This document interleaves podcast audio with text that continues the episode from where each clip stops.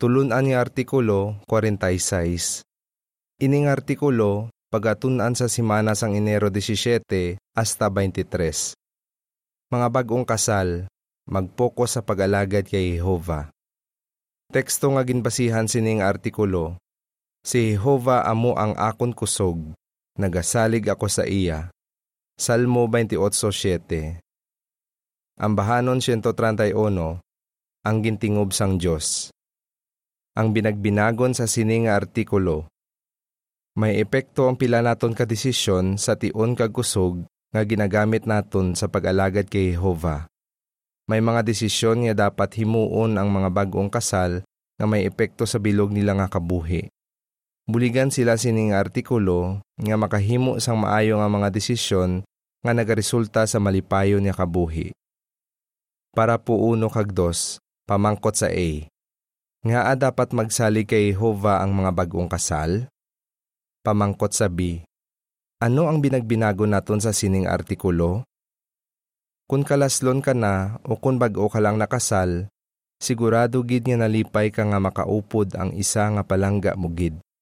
Pero may mga kabudlayan nga maeksperiensyahan ng mga mag-asawa, kag may importante nga mga desisyon nga dapat sila himuon. Nagadepende sa inyo mga desisyon kag sa inyo ginahimo kung maka-eksperyensya kamo sang mga kabudlayan kung bala mangin malipayon kamo sa sulod sang madamo nga tinuig. Kung magsalig kamo kay Jehova, makahimo kamo sang maayo nga mga desisyon, magabakod ang inyo pag-asawahay, kag mangin mas malipayon kamo. Kung hindi ninyo pagsundon ang laygay sang Dios, posible gid nga maka-eksperyensya kamo sang mga kabudlayan magaresulta ini sa mga problema sa inyo pag-asawahay, kag hindi kamo mangin malipayon. Ang Salmo 37.3 kag 4 nagasiling, Magsalig ka kay Jehova, kag himua ang maayo. Magpuyo ka sa duta, kag magmatutom ka. Magkalipay ka kay Jehova, kag ihatag niya ang mga handom sang imo tagipusoon. Para sa mga bagong kasal ining artikulo, pero binagbinagon man sa sini ang mga problema nga posible nga maeksperiensyahan sang tanan nga mag-asawa.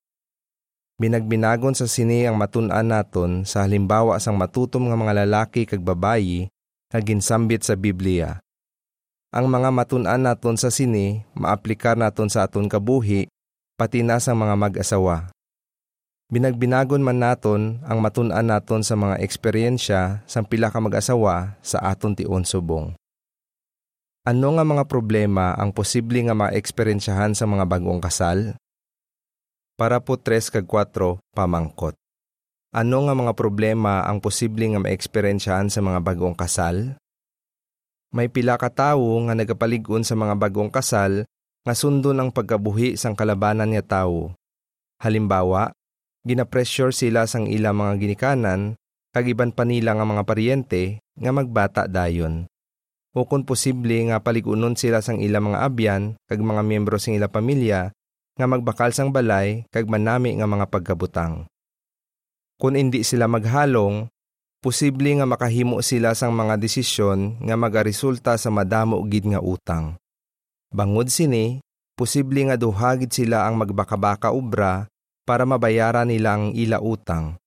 Bangod sa ila obra, Jutay na lang ang ilation para sa personal nga pagtuon sang Biblia, pangpamilya nga pagsimba, kag pagbantala. Posible pagani nga hindi na sila maka-attend sa pila ka meeting kay kinahanglan nila mag-overtime para madugangan ang ila sweldo o kung para hindi sila pagpahalinon sa ila obra. Kung amo sini ang matabo, hindi na nila madugangan ang ila mahimo sa pag-alagad kay Jehova nga makapahalipay kung tani sa ila. Ang caption sang picture nagasiling. Ano nga mga desisyon ang posible nga may hindi maayo nga epekto sa mga gusto pahimuon kung tani sa mga bagong kasal sa ila pag-alagad kay Jehova? Para po 5 pamangkot. Ano ang matunan mo sa halimbawa ng Day Klaus kag Marisa? Madamo nga eksperyensya ang nagapamatuod nga kung mag-focus kita sa pagpadamo sing manggad hindi gid kita mangin malipayon. Binagbinaga ang natabo sa mag-asawa nga Sanday Claus kag Marisa. Sang nagpakasal sila, nag-obra gid sila nga duha para madamo sila sing kwarta kag pagkabutang. Pero indi gid sila malipayon. Nagsiling si Klaus, madamo gid kami sing kwarta, pero wala kami nagapanikasog nga dugangan ng amon ginahimo sa pag-alagad kay Jehova. Sa tuod lang, daw indi namon mahangpan ang amon kabuhi, kag grabe gid ang amon stress. Kung pareho sa sini ang inyo sitwasyon, posible nga narealisar man ninyo nga wala gid nagaresulta sa kalipay ang pagpokus sa pagpadamo sing manggad. Pero hindi kamo dapat maluyahan sing buot. Binagbinago naton ang maayong alimbawa sang iban nga makabulig sa inyo nga maghimo sang mga pagbag-o. Una naton nga binagbinagon ang matun-an sang mga bana sa halimbawa ni Hari Jehoshaphat. Pareho kay Hari Jehoshaphat, magsalig kay Jehova. Para po size, pamangkot. Sanggin sa lakay si Hari Jehoshaphat kag ang iya katawhan sang madamo nga soldado, paano niya ginsunod ang laygay sa hulubaton 3:5 kag 6? Mga bana, nagabat siyag bala kamo kun kaisa nga daw hindi ninyo masarangan ang inyong mga responsibilidad? May matun-an kamo sa halimbawa ni Hari Jehoshaphat responsibilidad ni Jehoshaphat bilang hari nga amligan ang bilog nga pungsod. Paano niya ginhimo ining mabudlay nga responsibilidad? Ginhimo niya ang iya bugos nga masarangan para maamligan ang katawhan. Ginpabakod niya ang depensa sang mga syudad sang Huda kagintipo niya ang sobra 1,160,000 ka maisog nga mga soldado. Sang ulihi, dapat sulbaron ni Jehoshaphat ang mabudlay nga problema. Madamo nga soldado ang nagapakadto sa iya para sa lakayon siya, ang iya pamilya, kag ang iya katawhan. Mga soldado sila halin sa Amon, Moab, kag kabukiran sang Seir. Ano ang ginihimo ni Jehoshaphat? Nagpangabay siya kay Jehova nga buligan siya kag hatagan sing kusog. Ginsunod niya ang laygay nga mabasa sa Hulubaton 3.5 kag 6. Ini nagasiling. Magsalig ka kay Jehova sa bugos mo nga tagipusoon, kag indi ka magsalig sa imo kaugalingon nga paghangop. Huna-hunaa siya sa tanan mga dalanon, kag tadlungon niya ang imo mga banas. Mapainubuson nga nangamuyo si Jehoshaphat, kag mabasa ini sa ikaduhang kronika 25 hasta 12. Ginapakita sini nga nagsaligid siya sa iya mahigugmaon nga amay sa langit. Paano ginsabat ni Jehova ang pangamuyo ni Jehoshaphat? Para po siyete, pamangkot. Paano ginsabat ni Jehova ang pangamuyo ni Jehoshaphat? Nagpakighambal si Jehova kay Jehoshaphat paagi sa isa kalibinhon nga si Jahaziel. Nagsiling si Jehova, Magtindog kamo sa inyo mga pwesto kag magpahimunong lang, kag tanawa ninyo ang pagluwas sa inyo ni Jehova. Ikaduhang Kronika 20.13 hasta 17. Daw hindi man amo sini ang ginahimo sa tion sang inaway. Pero hindi tawo ang nagsugo sini sa ila. Si Jehova ang nagsugo sini. Nagtuman si Jehoshaphat kay nagsaligid siya sa iya Diyos.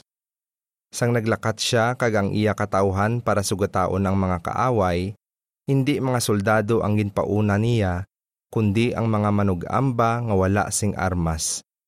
Gintuman ni Jehova ang promesa niya kay Jehoshaphat, kag ginpierde niya ang mga kaaway. Para po otso, pamangkot. Ano ang matun-an sang mga bana sa halimbawa ni Jehoshaphat? Mga bana, may matunan kamo sa halimbawa ni Jehoshaphat. Responsibilidad ninyo nga ati panon ang inyo pamilya, gani ginapanikasugan gid ninyo nga amligan kag amanan ang inyo pamilya. Kung may mga problema, mahimo ginahuna-una ninyo nga masarangan ninyo ini nga sulbaron. Pero indi kamo magsalig sa inyo kaugalingon. Sa baylo, hanuot nga mga muyo kay Jehova nga buligan kamo. Dayon, mga muyo man kaupod sang inyo asawa. Magpagiya kay Jehova paagi sa pagtuon sang Biblia, kag sang mga publikasyon halin sa organisasyon sang Dios, kag iaplikar ang mga laygay sini. Mahimo nga indi magkumporme ang iban sa inyo mga desisyon nga ginbase sa Biblia, kag posible nga magsiling sila nga indi husto ang inyo mga desisyon. Mahimo nga magsiling sila nga ang kwarta amo ang makahatag sang pinakamaayo nga pangamlig sa inyo pamilya. Pero dumduma ang halimbawa ni Jehoshaphat. Nagsalig siya kay Jehova kagin pamatud-an niya ini paagi sa iya mga ginhimo. Wala gin pabayan ni Jehova ang iya matutom nga alagad, kag indi ka man niya pagpabayan. Ano pa ang pwede himuon sa mga mag-asawa para mangin malipayon sila? Pareho kay manalag na Isayas kag sa iya asawa, mag-focus sa pag-alagad kay Jehova. Para po 9, pamangkot. Ano ang masiling naton parte kay manalag na Isayas kag sa iya asawa? Ang pag-alagad kay Jehova amo ang pinakaimportante kay Isayas kag sa iya asawa. Isa ka manalagna si Isayas, kag posible nga nagpanagna man ang iya asawa, ay gintawag siya nga manalagna nga babayi. Isayas 8.1 hasta 4. Bilang mag-asawa, ginuna ni Isayas kag sang iya asawa ang pag-alagad kay Jehova. Maayo gid sila nga limbawa para sa mga mag-asawa subong. Para po Jess, pamangkot. Paano makabulig sa mga mag-asawa ang pagtuon sa mga tagna sa Biblia para mahimo nila ang ilabugos nga masarangan sa pag-alagad kay Jehova? Mailugman sa mga mag-asawa subong si Isayas kag ang iya asawa paagi sa paghimo sang ilabugos nga masarangan sa pag-alagad kay Jehova. Mapabakod nila ang ila pagsalig kay Jehova kung tunan nila nga magkaupod ang mga tagna sa Biblia, kag kung paano inipermi nagakatuman. Pwede nila pamalandungan kung ano ang ilabahin sa katumanan sang pilakatagna sa Biblia. Halimbawa, makabulig sila para matuman ang tagna ni Jesus nga ang maayong balita ibantala sa bugos nga duta antes magabot ang katapusan. Kung mas kumbinsido sila nga mag-asawa nga nagakatuman gid ang mga tagna sa Biblia, mas mapaligon sila sini nga himuon ang ilabugos nga masarangan sa pag-alagad kay Jehova. Ang caption sang picture nagasiling. Makapokus ang mga bagong kasal sa pag-alagad kay Jehova paagi sa pagpangamuyo kag pagtuon sang iya pulong. Pareho kanday Priscilla kag Aquila, unaha ang ginharian. Para po unse pamangkot. Ano ang ginhimo nanday Priscilla kag Aquila, kag ngaa? May matunan ang bataon nga mga mag-asawa, sa Hudiyo nga mag-asawa nga sanday Priscilla kag Aquila, nga nagaistar sa syudad sang Roma. Nabatian nila ang maayong balita parte kay Jesus, kag nangin kristyano sila. Sigurado gid nga kontento sila sa ila kabuhi. Pero gulpi ini nga nagbago, sang nagmando si Emperador Claudio sa tanan nga Hudiyo nga maghalin sa Roma. Huna-hunaa ang epekto sini kanday Akila kag Priscilla. Dapat nila biyaan ang lugar nga ila naandan, mangita sang bag-o nga ilistaran, kag magumpisa sa bag-o nga lugar sang ila obra nga paghimo sing tolda. Nangin rason bala ini nga mga kabudlayan para hindi nila pagunahon ang ginharian? Posible gid nga nabalaan mo ang sabat sa sini nag-istar sanday Akila kag Priscilla sa Korento, kag nagbulig sila sa kongregasyon sa sini nga lugar. Kaupod nila si Apostol Pablo nga nagapaligon sa mga kauturan didto. Sang ulihi, nagsaylo sila sa iban nga mga banwa nga nagakinahanglan sang dugang nga manugbantala. Madamo sila sing nahimo sa ila pagalagad kag malipayon gid sila. Para po 12 pamangkot nga a dapat istoryahan sang mga mag-asawa ang mga gusto nila himuon sa pag-alagad kay Jehova? Mailog sang mga mag-asawa subong, sanday Priscilla kag Aquila, kung unahon nila ang ginharian. Antes pa sila magpakasal, dapat na istoryahan na nila kung ano ang ila gusto himuon sa ila kabuhi. Amo ini ang pinakamaayo nga tion para istoryahan ini. Kung magkaupod sila nga magdesisyon parte sa mga gusto nila himuon sa pag-alagad kay Jehova, kag kung panikasugan nila ini, mas madamo sila sing kahigayunan nga makita nga ginagiyaan sila sang Espiritu ni Jehovah. Binagbinaga ang eksperyensya ng Day Russell kag Elizabeth.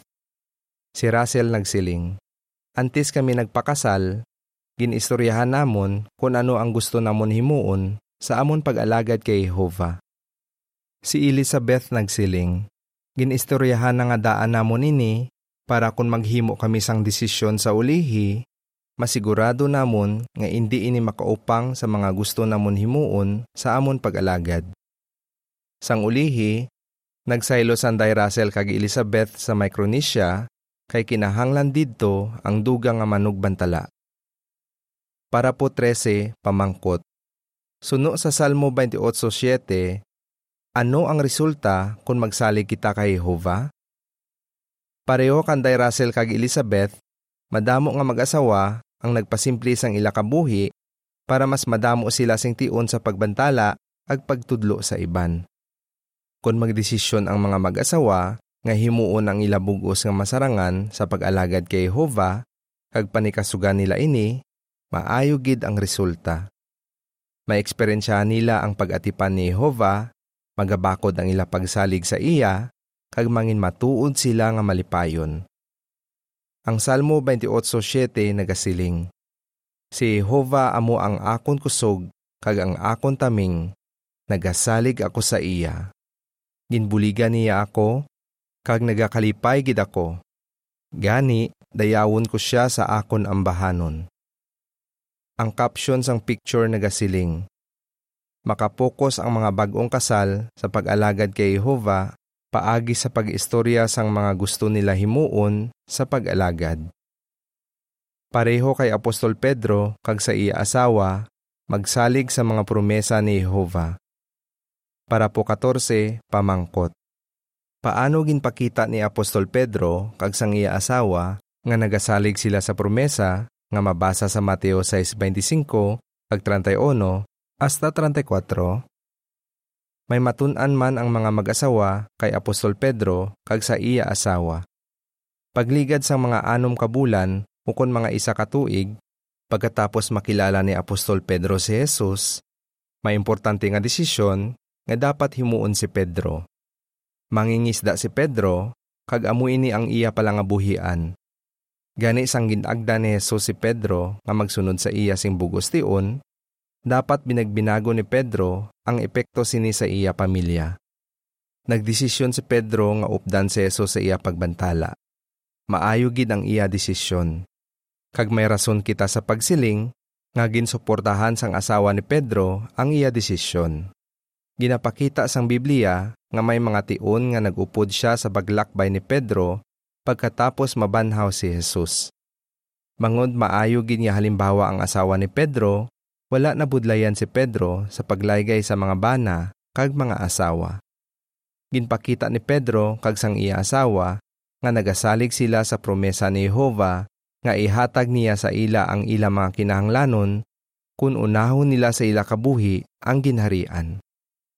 Ang Mateo 6.25 nagasiling, Bangod sini nagasiling ako sa inyo.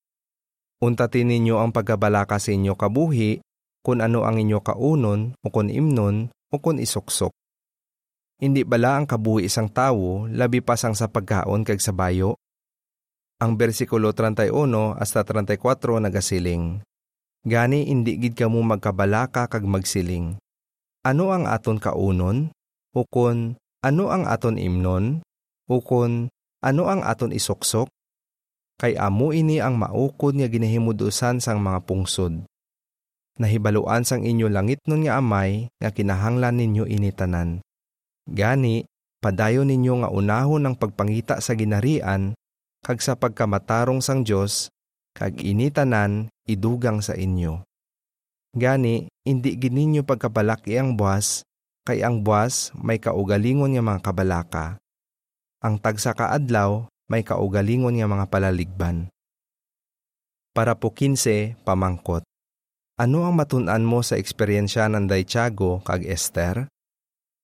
Kung pila katuig na kamo nga nakasal, ano ang pwede ninyo himuon para padayon kamo nga magpanikasog nga dugangan ang inyo pag-alagad kay Jehovah? Ang isa ka paagi amo ang pagbinagbinag sa mga eksperyensya sang iban nga mag-asawa. Halimbawa, pwede ninyo basahon ang mga artikulo nga naghalad sang ila kaugalingon sing kinabubuton. Nakabulig ini nga mga artikulo sa isa ka mag-asawa sa Brazil nga Sanday Tiago kag Esther. Napaligon sila sini nga mag-alagad sa lugar nga nagakinahanglan sang duga nga manugbantala. Si Tiago nagsiling, Sanginbasa namon kung paano ginbuligan ni Jehova ang iya mga alagad sa aton tion subong, gusto man namon maeksperiensyahan ang paggiya kag pagbulig ni Jehova. Gani nagsaylo sila sa Paraguay, ang nag-alagad sila sa Portugis nga kongregasyon sugod sang 2014. Si Esther nagsiling, Ang isa ka teksto nga paborito gid namon nga duha amo ang Efeso 3:20. Madamo nga beses nga naeksperyensyahan namon nga matuod gid ang ginasiling sini nga teksto sa amon pag-alagad kay Jehova. Sa sini nga sulat ni Pablo sa mga taga-Efeso, nagpromisa siya nga ihatag ni Jehova ang sobra pa sa aton ginapangayo. Madamo ang pamatuod nga masaligan gid ini nga promesa. Para po 16 pamangkot. Sino ang pwede pangayuan sang laygay sang bataon nga mga mag-asawa parte sa mga gusto nila himuon sa ila kabuhi may matunan ang bataon nga mga mag-asawa sa eksperyensya sang iban nga nagsalig kay Jehova. May pila ka mag-asawa nga madamo nga tinuig na nga nagapioneer. Pwede ka mo makapangayo sa ila sang laygay parte sa mga gusto ninyo himuon sa inyo pag-alagad. Isa pa ini kapaagi para mapakita ninyo nga nagasalig kamo kay Jehova. Mabuligan man sa mga gulang ang bataon nga mga mag-asawa nga huna-unaon ang mga pwede pa nila himuon sa pag-alagad kay Jehova kag kung paano nila ini mahimo. Ang caption sang picture nagasiling. Makapukos ang mga bagong kasal sa pag-alagad kay Jehova, paagi sa pagpangayo sing laygay sa matutom nga mga mag-asawa. Para po 17, pamangkot. Ano ang natabo kanday Klaus kag Marisa, kag ano ang matun-an naton sa ila eksperyensya? Pero kung kaisa, ang gusto naton himuon sa aton pag-alagad, hindi amo ang nagakatabo. Binagbinaga ang natabo kanday Klaus kag Marisa nga ginsambit sa umpisa. Pagligad sang tatlo katuig pagkatapos ang ila kasal, ginbiyaan nila ang ila lugar kag nagboluntaryo sila sa konstruksyon sa branch office sa Finland. Pero hindi gali sila pwede magtiner dito sang sobra sa anom kabulan. Sang primero, nasubuan gid sila. Pero wala magdugay pagkatapos ini, ginaagda sila sa klase nga nagatudlo sang Arabic nga lingwahe. Subong, malipayon sila nga nag-aalagad sa Arabic nga kongregasyon sa iban nga pungsod. Parte sa ila na eksperensyahan, si Marisa nagsiling. Nahadlok ako sadto nga himuon ang wala ko panahimo, gani kinahanglan ko magsalig sing bugos kay Jehova. Pero nakita ko nga ginabuligan gid kami ni Jehova sa paagi nga wala namon ginapaabot. Bangod sini, nagbakod pagid ang akon pagsalig kay Jehova. Ginapakita sini nga limbawa nga makasigurado kamo nga pakamaayuhon gid kamo ni Jehova kung magsalig kamo sing bug-o sa iya. Para po 18 pamangkot. Ano ang makabulig sa mga mag-asawa para padayon sila nga magsalig kay Jehova? Ang pag-asawahay, isa ka regalo halin kay Jehova. Gusto niya nga malipay ang mga mag-asawa sa sini nga regalo. Mga bataon nga mag-asawa, usisaan ninyo kung ano ang ginahimo ninyo sa inyo kabuhi. Ginahimo bala ninyo ang inyo bugos nga masarangan para ipakita kay Jehova nga ginapasalamatan gid ninyo siya sa mga regalo niya sa inyo? Mga muyo kamo kay Jehova. Pangitaan ninyo sa iya pulong ang mga prinsipyo nga maaplikar ninyo sa inyo kahimtangan. Dayon, tumana ang mga laygay ni Jehova sa inyo. Kung magpokus kamo nga mag-asawa sa pag-alagad kay Jehova, makasalig kamo nga mangin malipayon gid ang inyo kabuhi. Parte sa pagsalig kay Jehova, ano ang natunan mo? Kay manalag na Isayas kag sa iya asawa? Kanday Priscilla kag Aquila, kay Apostol Pedro kag sa iya asawa, Ambahanon 132, isa na kita. Diri natapos ang artikulo.